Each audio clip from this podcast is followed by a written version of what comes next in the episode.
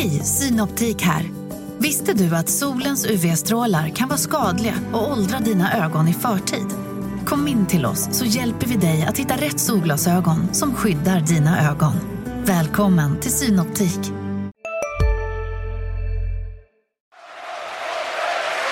Norebäck ner och eh, forecheckar och hämmar publiken. Den fulltaliga alltså. Stortrivs i det här läget, undra på det.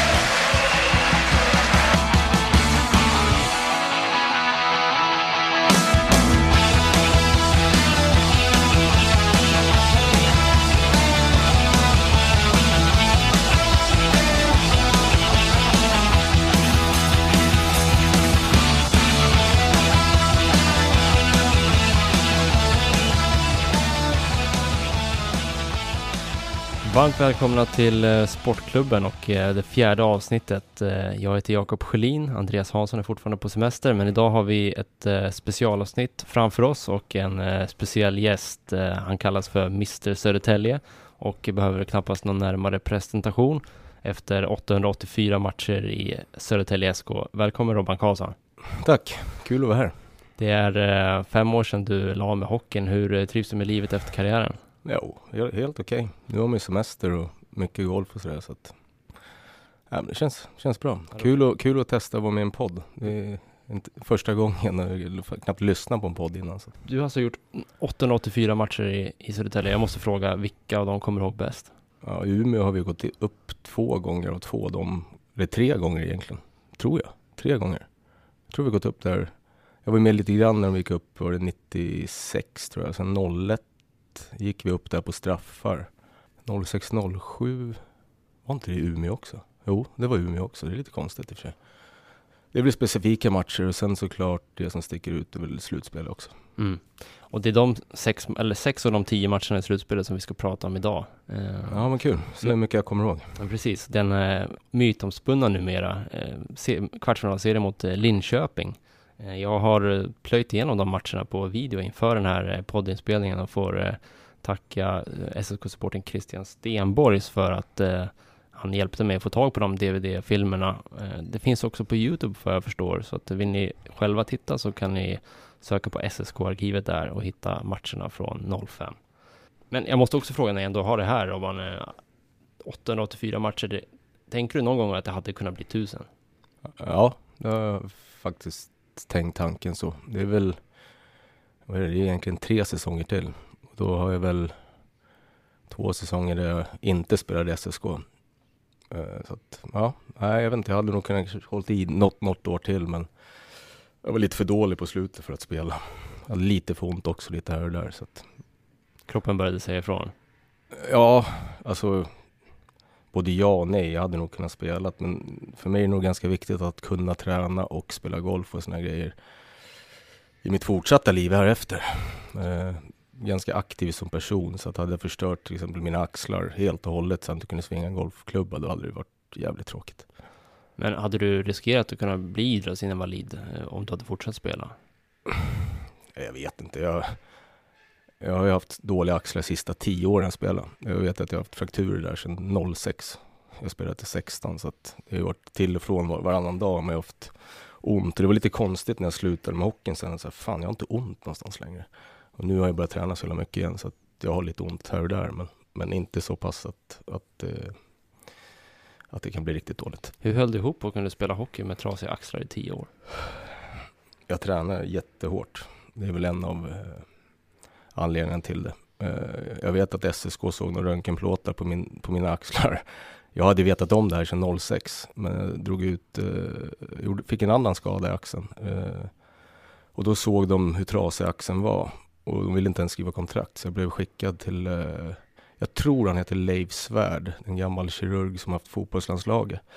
Och han sa egentligen, är så pass muskulös och håller dina muskler på plats men det går att göra en operation men du kanske får 60% rörlighet efter. Så fram tills dess hade du mörkat Ja, axlarna hade jag. varje kontraktsförhandling? Ja, fast jag har aldrig haft problem så. Jag har haft, varit öm mellan matcher i stort sett.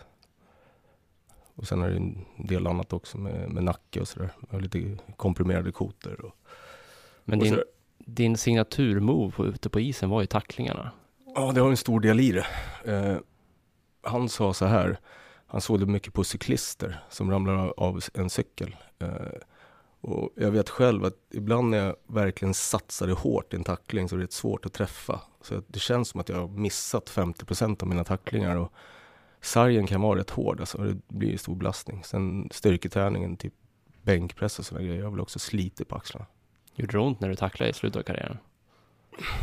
Nej, det kan jag inte säga att det gjorde. Mm. Jag kunde vara öm mellan matcher och till viss del på matcher. Ja. Mm. Du spelade 13 kval med SSK. Eh, måste vara rekord. Upp och ner från eh, SHL. Du blev bara ett enda slutspel. Vad betydde det för dig att få göra det slutspelet 05? Ja, det är den roligaste säsongen jag har spelat. Eh, ja, gå upp är ju svinkul det också, men det slutspelet med den bästa SHL genom tiderna och gå till semifinal var ju väldigt kul. Det var ju lockout och alla spelare var, var kvar hela säsongen. Och det var ju fantastiska spelare i, i SHL det året. Vi ska eh, ta och zooma ut lite där och egentligen eh, ta bakgrunden lite här kring den här kvartsfinalserien mot eh, Linköping. Som du är inne på, det var lockout den här säsongen 2004-2005. Till skillnad från den senaste lockouten så höll ju höll den i sig hela, hela året och man kom inte överens förrän framåt sommaren mm. eh, 2005. Och eh, SSK såväl som andra klubbar, egentligen alla klubbar i elitserien hade fantastiska eh, spelare på eh, trupplistorna. Här i Södertälje så kom eh, Dick Ternström och Niklas Hävelid tidigt. Hade Olli Jokinen från start också. Mm. Micke Samuelsson anslöt under säsongen, eh, precis som Kyle Calder och Scott Thornton. Hur, hur, ja, var, mm. hur var det där laget? Ja, det var ett riktigt bra lag. Eh, jag tror till och med vi hade, innan det blev lockout så hade vi värvat några tvillingar för mig mm. där bortifrån som inte ens fick vara kvar. Liksom. Nej, De skulle varit jätteduktiga. Brö bröderna Ferraro. Ja, just det. Men det var, det var, även en Todd White kom ju en match. Det är en liten rolig historia runt det. Att han kom, gjorde en träning och är van att spela liksom i NHL och åka fina plan. Så att han kom nog ganska feltajmat. Han, vi hade Mora borta dagen efter så han fick ju sitta i buss fem timmar. Kom till den sämsta arenan hela SHL då. Och han undrade vad fan det var frågan om antar jag. Han gjorde en assist, tog bussen hem och sen såg vi inte honom mer. Det var familjeskäl fick vi höra men det känns lite som att nej fan här kan jag inte vara kvar alltså. Samtidigt så var det också en säsong där ni hade rätt bra unga spelare i truppen. Eh, Dragan knackade på dörren och var med. Eh, Linus Widell fanns i juniorlaget. Eh, Niklas Grossman satt som sjunde back många matcher. Niklas Bergfors fick spela lite. Jonathan Eriksson fanns också i truppen. Mm. Anse Kopitar kom också ja. upp och fick testa matcher. Hur påverkade det dem tror du att det var lockout? Det är imponerande för det första att få spela matcher när du är så ung då. Men Anse, det är faktiskt bland det bästa jag har spelat med som ung. Alltså, jag kommer ihåg några av hans första träningar när han kom upp. Då var liksom, vi kunde inte ta pucken utav honom. Så pass bra var han. Så att, 100 kilo, smidig, bra. Alltså, fantastisk spelare. Alltså. Dragan lika så. Eh, men sen fanns det ju väldigt mycket duktiga spelare det året i SSK. Så att. Ni gick in i den säsongen med tre raka nionde placeringar. Mm. Hur frustrerande var den jakten på slutspel? Ja, det var jättefrustrerande. Alltså, jag lite svårt. Jag kommer ihåg att vi kom nia, men jag vet inte hur tajt det var neråt eller uppåt de åren. Om det var liksom avgjort i sista säsongen. Jag har ju varit med om också att komma nia. Nej, kom med elva, men vi hade chans på slutspel och det året åkte vi ur. Då mm. tyckte jag också vi hade ett bra lag, så mm. där var det i stort sett bara mentalt. Mm. Eh, det var nog väldigt frustrerande och samtidigt skönt att slippa kval neråt. Ni började ju också lockoutsäsongen ganska svajigt. Um, Timo Lahtinen fick inte vara kvar hela säsongen. Mats Hallin klev ner i båset. När tyckte du att ni började få ordning på spelet? Jag minns inte riktigt. Jag minns ju slutspel och sådär, men inte riktigt grundserien. Jag minns uh, att vi tog oss till slutspelet runt två sista omgångarna. Ja, det var riktigt tight race till slutspel. Uh, så det höll ju på att bli en nionde plats igen. Mm. Uh, men det var egentligen två matcher som, som svängde det där och det första var en match i Mora. Mm. Som ni vann med uddamålet, 2-1. Ja. Och den avslutningen minns du kanske? Det gör jag faktiskt. Jag vet att jag tacklade Sean Horkoff. Jag tror det var en open ice. En riktigt bra tackling. och sen på tekningen efter så drog en, ett slagskott i krysset. Ja, så förlorar Håkon pucken. Robert Karlsson i mål! Mm. Det var faktiskt matchavgörande andra målet. Du bryter en puck Kanske i därför, mittzon, jag, kanske därför jag minns det. Ja, precis. En in över blå och sen är det bara sån här eh, last, lastar in allt du har i det slagskottet och prickar krysset. Precis. Eh, och sen även i, i Luleå borta efter det så gör väl Jörgen Bemström ett, ett otroligt fint mål som gör att vi, som tar oss till slutspel. Mm, precis. Eh, Just Mora då som ni har vunnit mot i omgång 48 har ju gått förbi då. Och ni ligger under med 3-2 och är egentligen ute i slutspel med fem minuter kvar.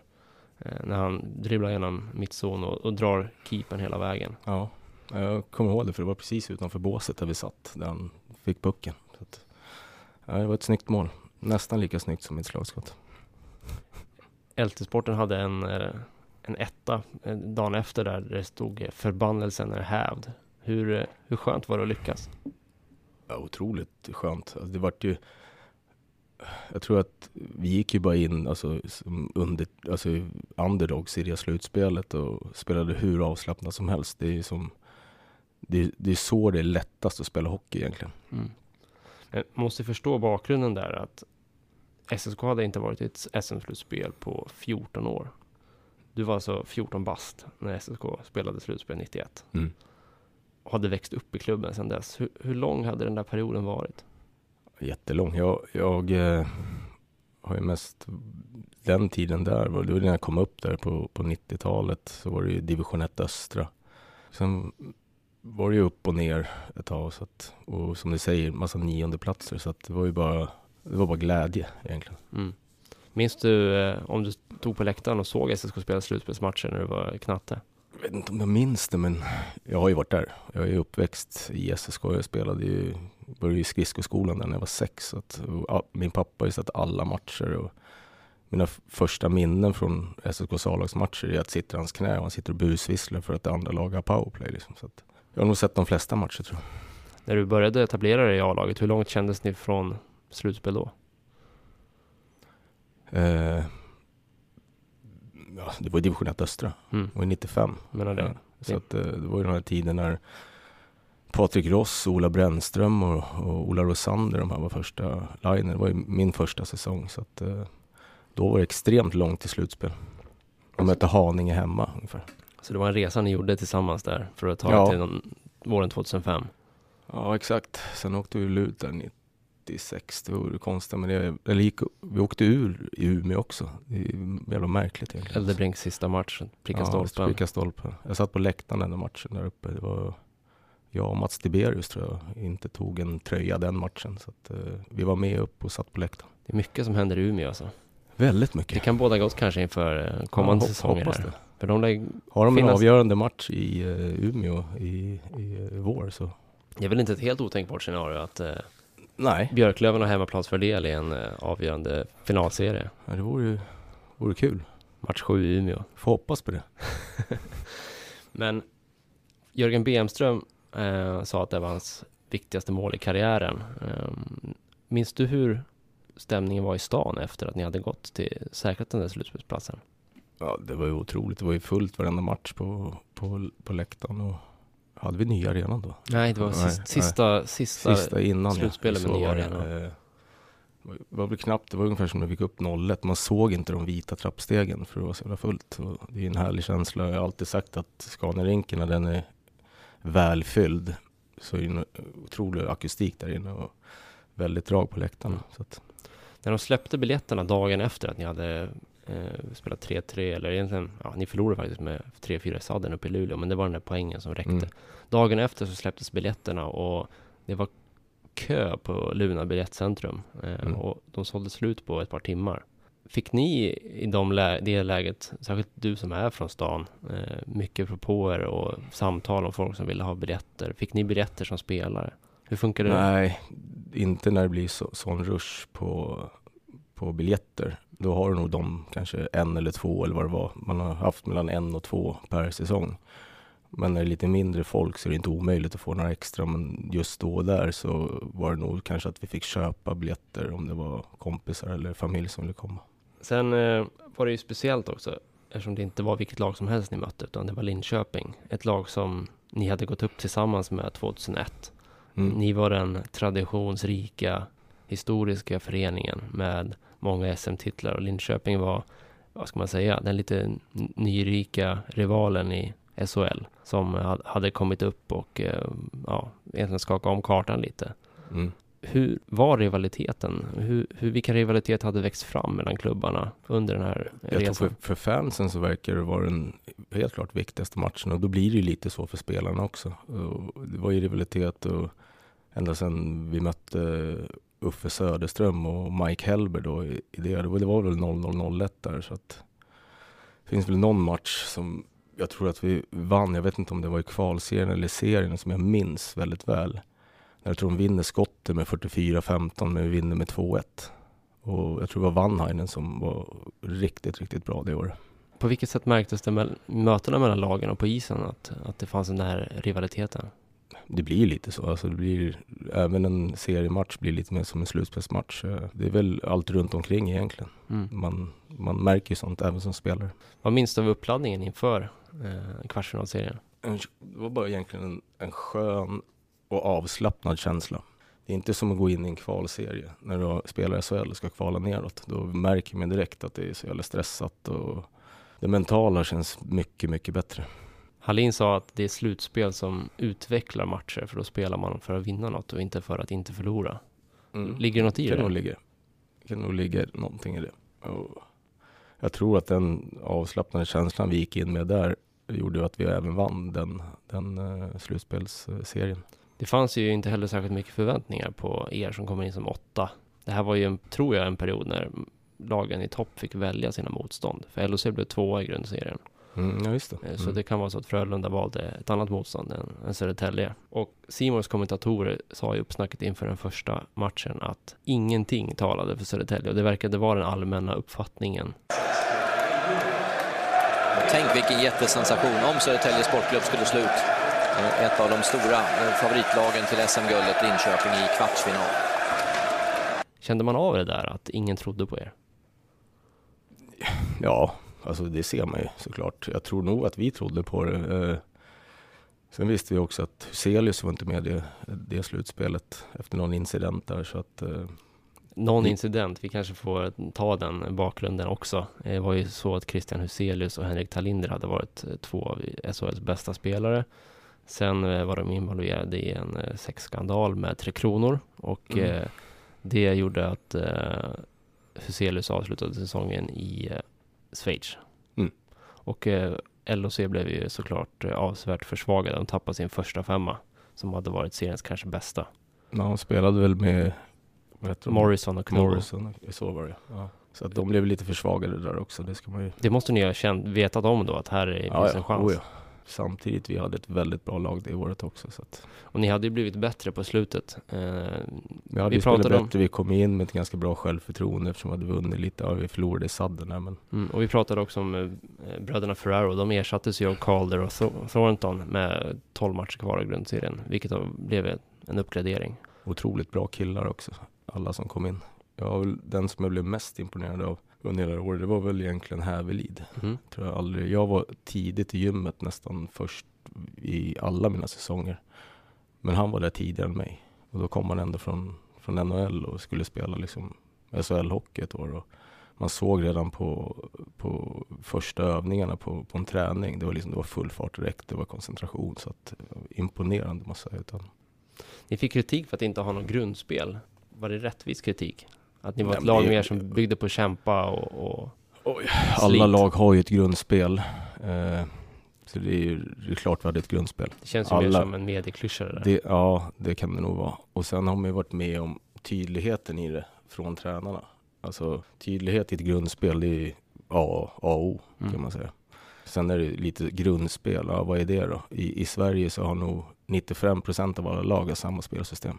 Sen kan du göra det på olika sätt. Eh, men det finns liksom inte som det var där 1-3-1 eh, finns inte kvar längre. Då kom det ett nytt spelsystem. Nu spelar ju alla samma spelsystem i stort sett. Mm. Det var ju en väldigt tight matchserie det här. Fem matcher avgjordes med uddamålet. Mm. Förutom den här första. Då går ni in och vinner med 3-0. Med tanke på hur nedskrivna ni var inför matchen och att alla såg på LHC som den givna vinnaren. Vad betydde det att gå ut och besegra dem så pass klart som 3-0 i första matchen? Var det hemma eller borta? Det var hemma i Scania Man hade ju lite udda slutspelsformat då, där man ja. började Eh, med en bortamatch för de med hemmaplansfördel så spelar man borta, hemma, borta, Sen hemma, avslutar hemma. man borta va? Ja precis, jag. ja, Ja, precis, i sjunde ja. Det var ju en kanonstart såklart. Eh, Det är väl, jag minns, som jag minns det också så var det väl ganska många som gick till sadden. Var det två, Mm, två, två stycken. två stycken. Och då minns väl alla Kyle Calders mål. Titta här! Han kommer hela vägen och han gör mål! Kyle Calder avgör! Någonstans där kände man väl kanske också att fan, vi kommer fan vinna det här alltså. Mm. Du hade också en speciell slutspelsdebut. Ja. Matchstraff.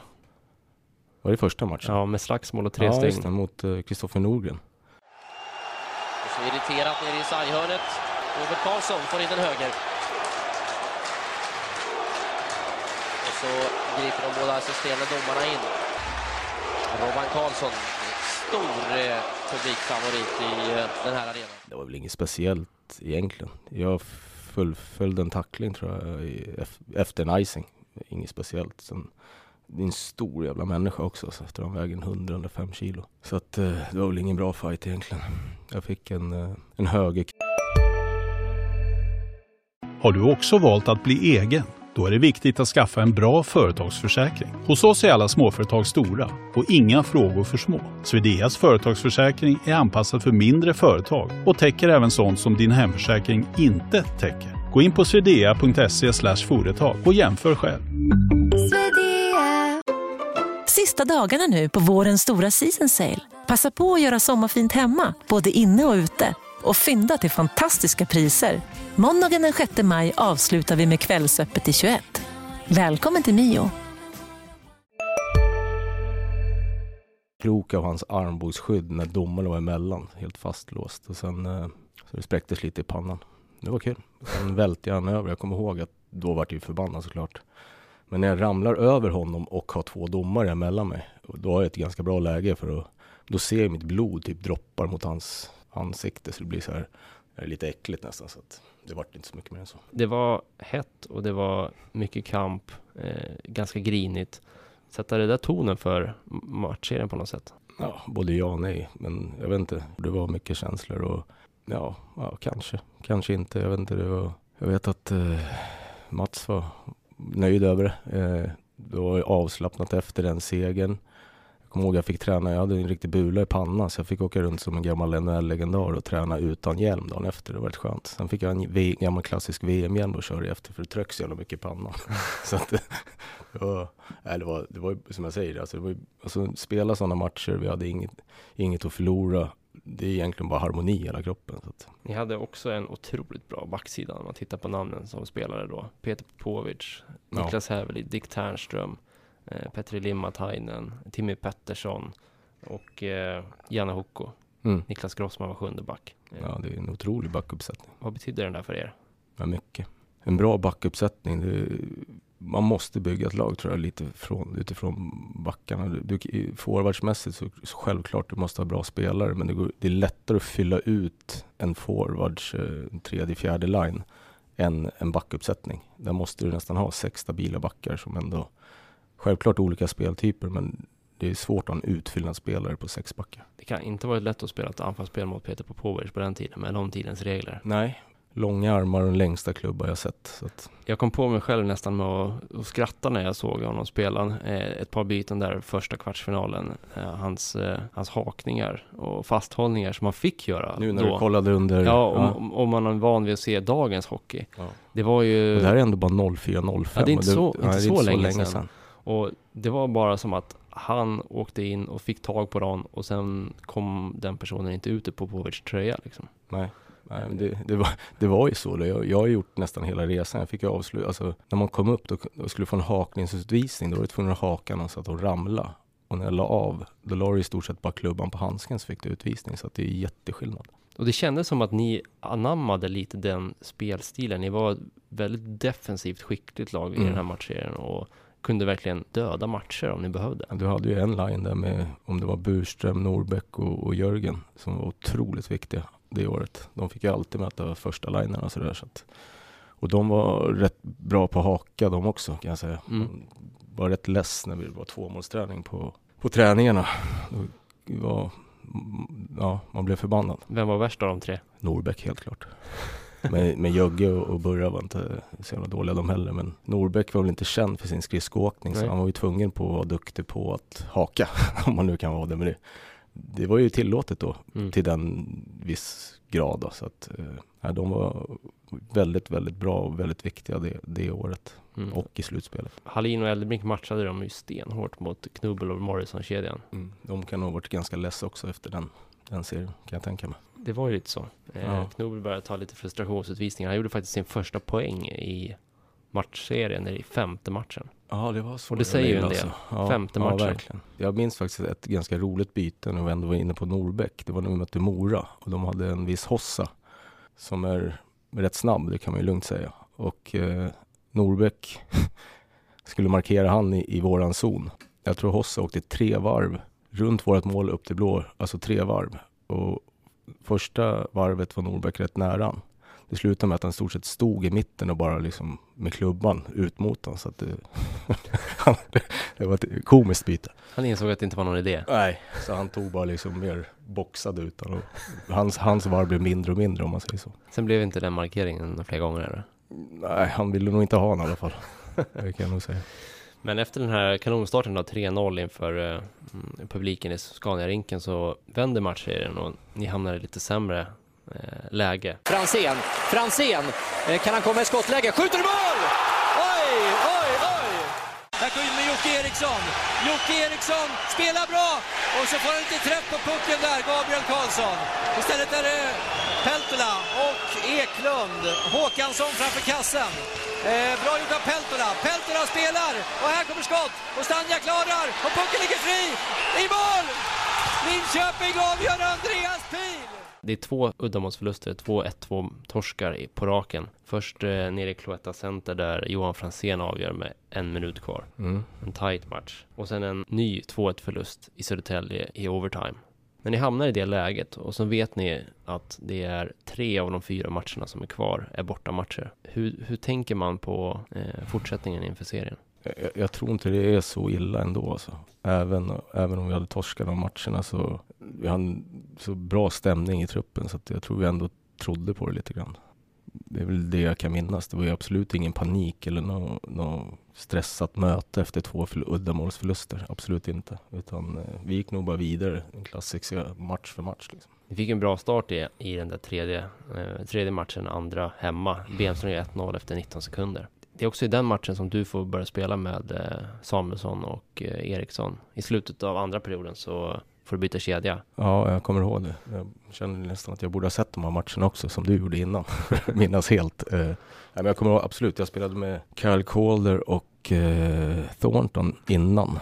Precis. Kommer du ihåg vad Hallin ville ha ut av dig med Samme och Eriksson? Det vet jag nog. Det var väl egentligen Jocke tror jag och eh, Samme som hade bett tränarna att få mig där istället för Döme. För vi, de hade gått lite tungt någon match och de ville väl egentligen bara att jag skulle göra det hårda jobbet och jobba fram puckar till dem. Och det släppte ganska bra för dem när jag kom in där. Det var ju även kul för mig. Även om jag var på väg mot min poängstarkaste säsong så gjorde jag inte en poäng tror jag. Jag kanske gjorde ett ass eller ett mål tror jag. Jag kom in med dem. Så att, Precis, men de började göra mål och poäng. Och Mm. det var ju bra, viktigt för laget. Jag vet att Samme han eh, berömde dig här in, innan jag spelade in, eller när jag gjorde researchen för podden att mm. du var den som gjorde, som du sa, grovjobbet, jobbade fram puckar så att de kunde få lägen.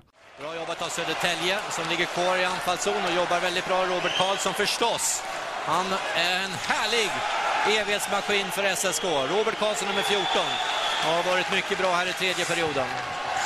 Jag tror inte Samme hade gjort mål förrän i tredje eller fjärde matchen när ni började spela tillsammans. Nej, nej, men det var väl ingen jätteovan situation för mig heller. Jag har väl spelat allt från med bra spelare till i fjärde line med hårt arbetande spelare. Mm. väl Hur bra var Samuelsson och, och Eriksson för laget?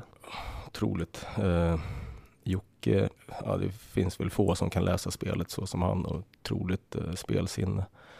Samme är jag otroligt imponerad av också. Eh, så, han har ju varit med och tränat med oss under, innan han åkte över till ja, Detroit till exempel. På, och man ser att det, det är en nivå till om man säger så. Både skridskomässigt, upp med blicken, bra skott. Så att, två riktigt bra hockeyspelare.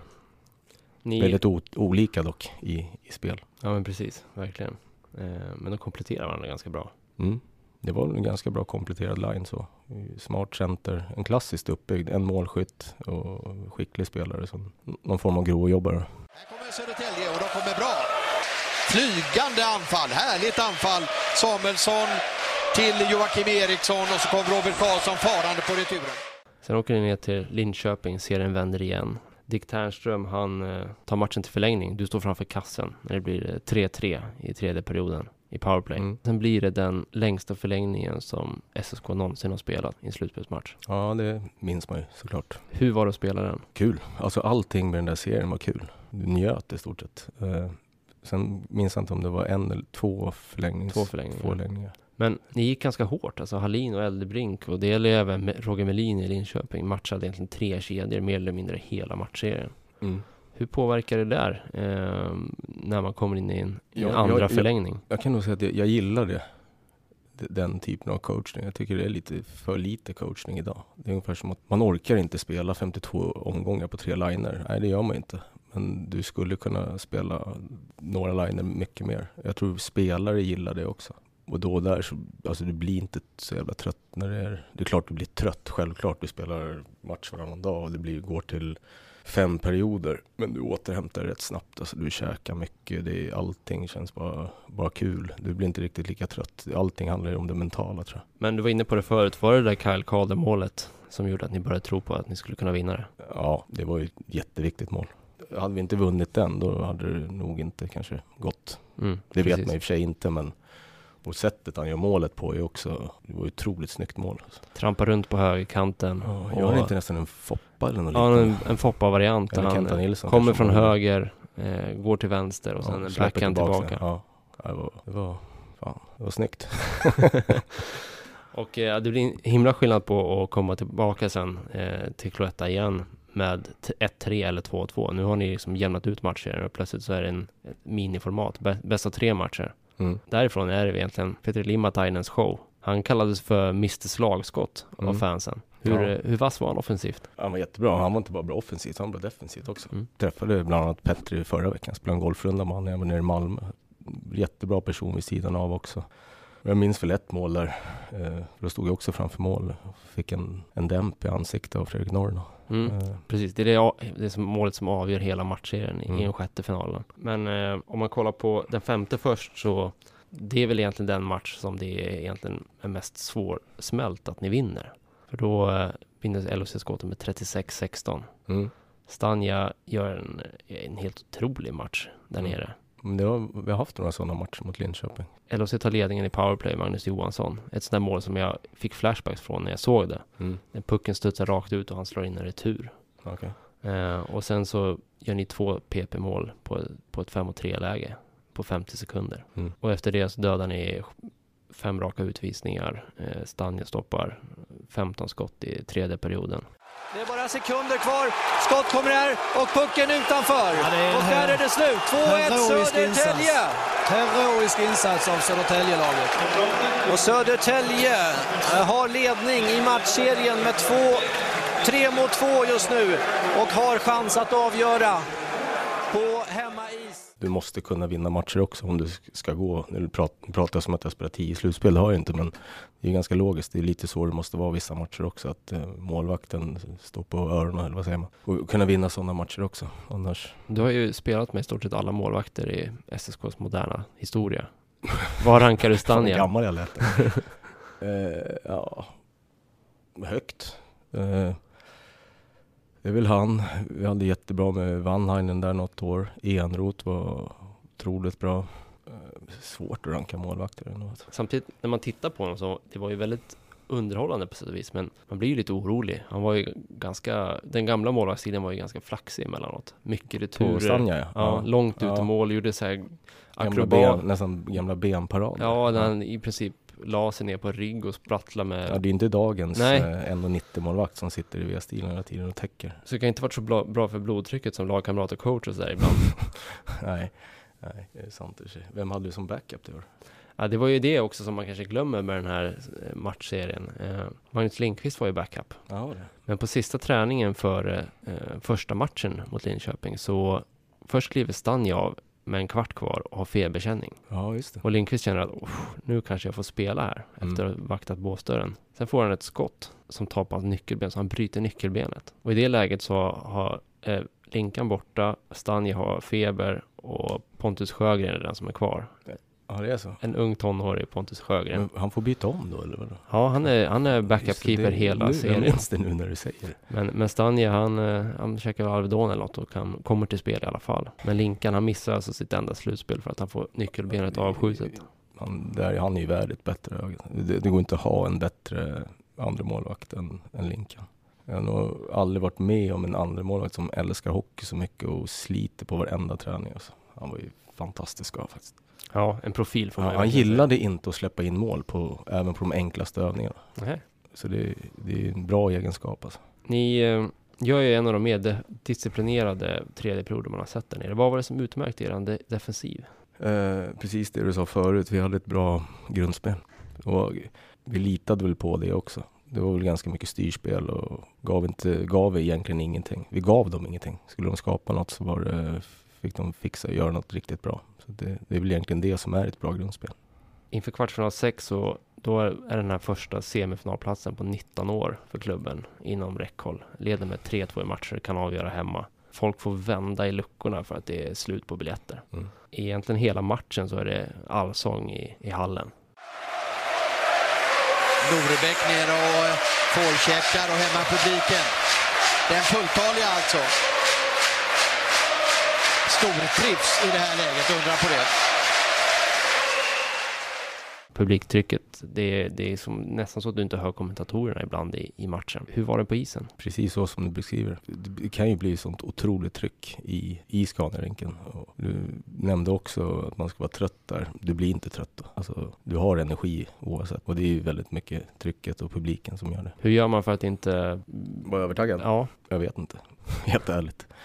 Man är nog lite övertaggad, det tror jag. Började ni känna någonstans att LHC var pressade? Ja, det är klart det är så. De var ju, var väl nog ingen så kallad expert som trodde att vi skulle slå ut Linköping det året. Och det känner ju de också av. Så att självklart så visste man att de var stressade över situationen. Sen i eh, tredje perioden så har en tekningsvariant. Eh, Jocke Eriksson vinner tekning. Limatainen kliver in från höger, blir plötsligt helt fri. Och eh, du står och skymmer Norrland han prickar krysset. Sen när de ska jaga kvittering, då har de bara fyra skott på mål. Hur lyckades ni hålla det så tätt? Det var väl det jag var inne på. Vi hade en bra defensiv. Du måste ha en bra defensiv. Eh, som jag sa där, skulle de skapa någonting så är de inte tvungna att göra något riktigt bra själv och följer alla liksom, de riktlinjerna som är upplagda och inte faller ur ramen, då, då är det ju då kan hockey vara lätt. Mm. Och hockeyn blir rätt lätt när du har det självförtroendet och inspirationen och alltihopa. Så att det har nog mycket med det att göra. Vi hade självförtroendet liksom på topp Mm. och ingen stress, ingen, alltså,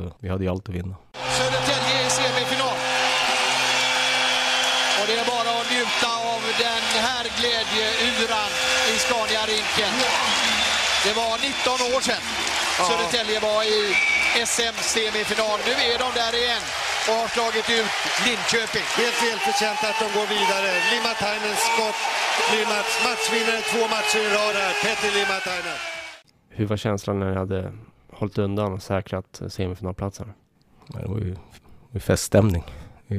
Men samtidigt, vi hade ju en semifinal sen. Så att, Att det blev en så pass eh, intensiv och eh, ja, krävande kvartsfinalserie, påverkade det er när ni mötte Färjestad sen i semifinalen?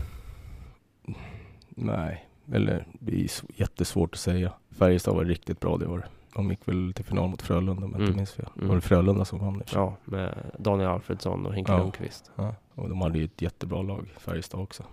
Coachat av Strumpan. Ja. Med Sheldon Surrey och Sedena Chara som backar. Ja. Martin Gerber i mål. ja, de hade ju väldigt bra lag. Sen hade de bästa kedjan eh, sen tidigare också med Jörgen Jönsson och Pelle Pressberg och vad heter det? Nordström. Nordström. Och Gabrik. Ja, du hör ju. Hur högt rankar du den där slutspelet i, i din karriär? Ja, det är, den är där uppe med, jag kan inte rangordna dem riktigt, men gå upp då vinner du ändå någonting. Vi vann ju ingenting på det här. Det var ju en jävla rolig upplevelse. Men gå upp där 01 och 06-07, är ju- jag vet inte om det är, det är jättesvårt att rangordna. Det fanns en väldigt positiv känsla i klubben efter det där slutspelet. Att man hade tagit ett nytt kliv och var på väg. Mm. Efter, säsongen efter så får ni Ny kvala, arena och- ny arena, Ja. åker ur. Sen har det inte varit i slutspel sedan dess. Hur ser du på att det blev så? Vi, stod, vi åker ur året efter det. Ja, exakt. Men sen går vi upp direkt, direkt igen, Exakt. 06-07. Mm. Det var nog väldigt viktigt för SSK att vi gick upp det året Mm. med ny arena och alltihopa. Sen var det väl en tre, fyra säsonger till tror Mm. jag. Så. Nu är det, vi pratade om att det var 14 år eh, då, innan ni hade varit i slutspel. Nu är det eh, lika länge till, om 15 år sedan det var ett SM-slutspel. Mm. Nu i sån där förbannelse igen. Vad, vad tror du krävs för att eh, klubben ska kunna ta sig tillbaka dit? Ja, du måste ju få någon form av stabilitet i föreningen, eh, vilket jag inte tyckt har funnits. Det känns väl bättre nu med de människorna som är i klubben. Men det går liksom inte att börja tänka på ett slutspel när man spelar allsvenskan heller. Första steget är ju trots allt att ta sig upp, vilket är jag vet inte om det är lättare eller svårare nu att ta sig upp jämfört med en kvalscen. Känslan är att det ska vara svårare, men det har ju fortfarande gått upp lag. Så att, Nu bör man ju å andra sidan inte slå ut några SHL-lag framöver här. Det gäller att vara bäst i Hockeyallsvenskan som går upp. då är det lättare. Det kommer ju bli ett, slut, Just det, det är ett nytt det kommer bli ett slutspel i igen. år bara. Ja, just det. Vinnaren tar allt. Jag tror att det är ett bra tillfälle att och, eh, runda av. Jag får Ja, eh, var, var kul. tacka så mycket för att du kom hit. Det var Kul, kul, att bli lite uppdaterad också på... Du förfriskar mitt minne. Ja, dyka ner i minnenas allé. Jag Ja. får eh, fortsätta och eh, pusha lite för att ni kan eh, följa SSKs eh, försäsong och egentligen allt kring klubben på lt.se och i vår Hockeypuls-app. Nu är det ju bara någon vecka till att laget börjar träna på is. Och när nästa podd kommer ut så är Andreas Hansson tillbaka och då finns det isträningar och eh, nyförvärv och eh, an- annat att diskutera kring laget som har lite mer med Hockeyallsvenskan att göra. Eh, Robban, innan du går så får du dra, våga dig på ett eh, tidigt tips här. Hur går det för SSK i år? De kommer spela final mot Björklöven och vinna i... Är det bästa sju eller? I sjätte.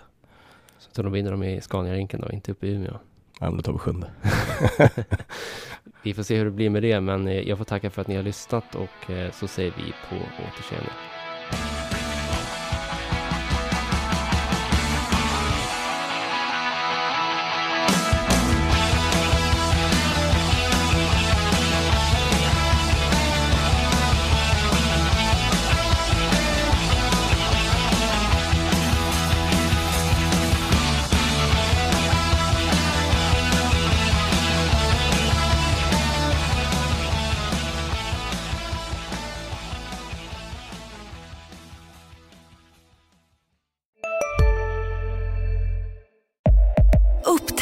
Upptäck hyllade XPeng G9 och P7 hos Bilia.